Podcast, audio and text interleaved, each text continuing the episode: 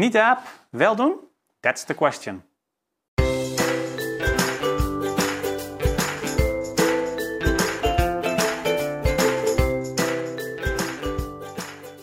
Ja, de niet-DAAP-portefeuille. Het is een, uh, ik wou niet zeggen dat het een zaak van leven of dood is, maar het is wel belangrijk om over dat thema na te denken als coöperatie. Want vanaf 1 januari 2022 mag er ook weer meer. Met de herziening van de woningwet mag, mogen coöperaties weer meer. En de nieuwe minister, Hugo de Jonge, heeft in de eerste debatten al aangegeven dat hij soms zelfs vindt dat er misschien nog wel meer zou moeten kunnen door coöperaties. Um, ook in de Nationale Woningbouwagenda spreekt de minister ook coöperaties alweer aan op niet-activiteiten. Zo gaat hij er onder andere van uit dat coöperaties meer gaan bijdragen aan leefbaarheid. Hij gaat er ook van uit dat coöperaties zo 1 op de 6 nieuwbouwwoningen, dat dat een middenhuurwoning is in de komende jaren. En um, ja, dat zorgt er dus wel voor dat je als coöperatie wel weer moet gaan nadenken over um, ja, hoe ga ik met mijn niet-DAAP-portefeuille om? Nou, heel veel corporaties hebben een niet-DAAP-portefeuille, zijn daar in de afgelopen jaren vaak niet heel actief mee aan het sturen geweest. Vaak is het toch zo, ja, je, hebt nou eenmaal, je had nou eenmaal die woningen en er moest op een gegeven moment gesplitst worden. Dus ja, daardoor um, hebben veel corporaties eigenlijk tegen wil en dank een niet-DAAP-portefeuille gekregen. Uh, maar er zijn ook corporaties die hebben nog, uh, eigenlijk zitten in het verlichte regime, die hebben niet of nauwelijks niet-DAAP-woningen. En in de nieuwe of in de nieuwe woningwet, maar in de herziening van de woningwet per 1 januari 2022 is inmiddels ook opgenomen dat corporaties die nog niet gesplitst hebben, die kunnen dat alsnog doen. Uh, en ook bij fusie van corporaties kan het bijvoorbeeld nodig zijn dat je alsnog op een andere manier uh, splitst. Nou, dus daar zijn nu ook de mogelijkheden voor. Um, dus dat betekent ook dat je echt als corporatie kunt gaan nadenken en ja, vanuit de vragen die er aan corporaties gesteld worden, door de minister, maar ook wel breder natuurlijk. Ook lokaal zal dat ongetwijfeld gaan toenemen. Vragen die aan corporaties gesteld worden op het gebied van de middeninkomens, op het gebied van leefbaarheid. Ja, dat noopt wel om daar, om daar goed over na te denken. Nou, in deze afleveringen wil ik een aantal afwegingen met je delen. die je wat mij betreft in ieder geval bij, daarbij moet betrekken om te kijken of je wel of niet echt actief gaat sturen in je NIDA-portefeuille. En als je dat dan gaat doen, wat je dan precies met die niet-DAAP gaat doen.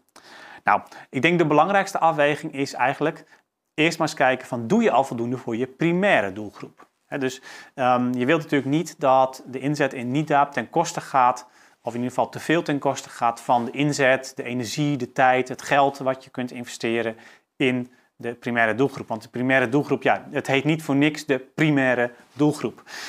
En dat zijn dus echt de mensen met de allerlaagste inkomens die, ja, waar je als coöperatie toch in de eerste plaats voor bent. Um, nou kan het zijn, dus als je in een gebied zit um, ja, waar, je, uh, waar je die laagste inkomens prima kunt bedienen en waar je dan ook nog tijd, geld, energie uh, overhoudt om de middeninkomens te bedienen, nou ja, dan kun je natuurlijk gaan kijken van oké, hoe kan ik dat dan ook op een actieve manier gaan, gaan doen. Dan is natuurlijk de tweede vraag wel van, hebben de middeninkomens nou echt een probleem in dit gebied? En hebben ze structureel een probleem? Op dit moment is het zo dat in bijna alle delen van het land dat daar wel, uh, ja, dat, dat de woningmarkt echt onder druk staat en dat middeninkomens echt wel in heel veel gebieden tussen wal en schip uh, vallen. Maar als je naar ja, de langjarige ontwikkeling kijkt, echt de structurele ontwikkeling, als we er even van uitgaan dat in de komende jaren ook wel echt fors nieuwbouw uh, gepleegd zal worden, dat zijn in ieder geval de plannen. Um, als je daar rekening mee houdt en je kijkt wat op langere termijn, van ja, is er dan ook echt een probleem met de middeninkomens in mijn werkgebied? En um, ja, ik, ik, kijk altijd maar even naar bijvoorbeeld een, een uh, gebied als de Bollenstreek, hè, midden in de Randstad, een plek waar ook vooral wat grotere woningen staan, uh, waardoor ze in de koopsector al vrij snel duur zijn. Uh, ja, dat is een gebied waar eigenlijk altijd ook wel behoefte is aan inzet ook op de middeninkomens vanuit de coöperatiesector. terwijl in de meer perifere delen van Nederland, ja, daar zie je dat in, uh, in de, de meeste periodes, als je kijkt naar de wat langer, langere geschiedenis, Um, en hopelijk ook in de toekomst zie je toch dat middeninkomens ook voor een groot deel van de tijd ook wel degelijk toegang hebben tot de koopmarkt. Uh, en dat er ook uh, ja, meer mogelijkheden voor die groepen zijn buiten de corporaties om. Nou, um, Dus kijk ook daar goed naar van, is er nou echt een probleem met de middeninkomens en is dat probleem ook structureel? En als het probleem tijdelijk is, hè, omdat er nu toevallig een grote druk is op de woningmarkt, maar je verwacht dat dat toch op termijn wel weer, uh, ja, dat die druk minder wordt, ja, dan zou je natuurlijk ook nog kunnen kijken van ja, ga ik dat dan uh, niet in de niet-DAAP oplossen, maar gewoon binnen de DAAP-portefeuille, waarbij je, waarbij je met uitzondering natuurlijk ook wel degelijk aan de middeninkomens sociale huurwoningen kunt gaan toewijzen, die je later gewoon ook weer um, ja, voor, voor de primaire doelgroep kunt, kunt inzetten.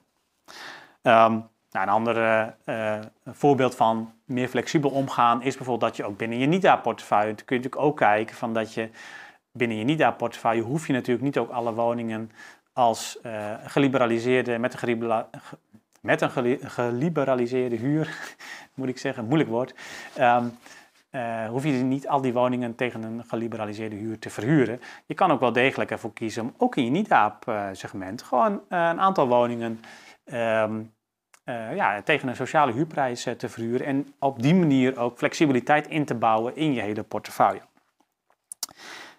Nou, dan een, een tweede overweging, hè, dus, of eigenlijk een derde overweging. Naast hou je uh, voldoende energie over en, en, en, tijd en geld voor je primaire doelgroep. en hebben de middeninkomens wel echt een probleem? Dan kun je ook nog kijken van, ja, is het vanuit leefbaarheid oogpunt wellicht gewenst. Hè? Op het moment dat je wellicht niet een hele brede opdracht voelt voor de middeninkomens, dan kun je nog steeds kijken, ja, is het op specifieke plekken of op sommige momenten toch interessant om vanuit leefbaarheidsgedachte in een bepaald gebied, uh, in een bepaalde wijk of in een buurt, toch niet-DAAP-activiteiten te verrichten. En dat kunnen dan ook allerlei verschillende soorten activiteiten zijn. Hè? Dat kan zijn dat je zegt van nou, we willen meer spreiding in, in, in de bevolkingsopbouw aanbrengen in een uh, gebied, waardoor je zowel goedkope als duurdere en ook geliberaliseerde woningen dus wilt aanbieden. Um, maar het kan ook zijn dat, uh, dat je dan veel meer kijkt naar van, kan ik voorzieningen toevoegen, hè, zodat die wijk aantrekkelijker wordt voor bepaalde groepen of dat, um, dat het voor ouderen een, een, meer leefbare wijk wordt in die wijk. Dus het is echt vanuit het perspectief van de leefbaarheid ga je dan kijken van wat is hier nodig en dan kan het dus zijn dat je ook op een aantal niet-DAAP-activiteiten uitkomt. Um, nou, een aandachtspunt bij, uh, bij niet-DAAP is natuurlijk nog wel, en dat is ook wel een belangrijk om dan in je overwegingen mee te nemen, is dat um, ja, de markttoets, hè, dus uh, de toets die bepaalt van, ja, kan de markt deze niet-DAAP-activiteit niet uitvoeren? En pas, hè, in het verleden was het zo dat op het moment dat je die toets had uitgevoerd en daaruit bleek van ja, de markt pakt het niet op, deze taak, dan pas kon je als corporatie aan de slag met NIDAP-activiteiten. Um, nou, die toets is in ieder geval voor de komende drie jaar is die buiten werking gesteld. Daarna volgt er een evaluatie. De minister heeft ook al aangekondigd dat er ook een overgangsrecht komt voor projecten die nu opgestart gaan worden, maar die nog niet klaar zijn op het moment dat, de markt, nou, dat die buitenwerkingstelling van de markttoets uh, eindigt. Ja, dan Um, dat maakt natuurlijk wel dat je als corporatie nu enige onzekerheid hebt over of je langjarig, op langere termijn ook echt met die niet-DAAP door kan. Uh, ik snap dat dat tot enige terughoudendheid leidt, ook bij corporaties. Aan de andere kant is het ook wel zo dat um, er echt wel een kentering in het landelijke volkshuisvestingsbeleid zit met uh, dit nieuwe regeerakkoord van uh, december 2021. En ook met de nieuwe minister Hugo de Jonge heeft ook al een aantal keer aangegeven dat hij eigenlijk vindt dat corporaties misschien op sommige onderdelen nog wel meer zouden moeten kunnen doen dan hoe dat nu in de herziene woningwet is vastgelegd. Um, dus, dus wat dat betreft eh, zijn de vooruitzichten wat dat betreft heel positief. Uh, er komt ook een evaluatie, dat is natuurlijk ook logisch. En er moet ook wel wat te evalueren zijn. Um, en je mag er als corporatie denk ik dus ook wel van uitgaan dat als je echt serieuze projecten hebt die ook echt gewoon gestart uh, zijn, waar je echt al ver bent in de pijplijn, um, dat je dan ook daarmee door kunt, ook na 2024. Dus, um, en ja, wellicht is het zelfs wel zo dat uh, die markttoets helemaal afgeschaft gaat worden tegen die tijd.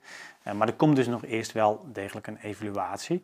Um, dus ja, ik zou uh, in ieder geval aanraden om er serieus over na te denken en om echt gewoon te kijken van ga ik nou, wat ga ik nou doen met die NIDAAP? Um, ofwel ga ik hem toch ook gebruiken uh, verder afbouwen wellicht uh, en dan gebruiken voor het uh, DAAP-segment. Dat is ook nog een optie. Maar als je dan echt kiest om die niet-DAAP wel aan te houden, ga er dan ook actief mee aan de slag. Um, de landelijke overheid verwacht ook daar prestaties van, van corporaties. Hè. Ik noemde al het voorbeeld van 1 op de 6 woningen, nieuwbouwwoningen, de komende jaren ja, zou dan een middenhuurwoning moeten zijn. Um, maar ook op het gebied van leefbaarheid wordt er meer verwacht van corporaties. En daar kunnen ook niet-DAP-activiteiten aan bijdragen.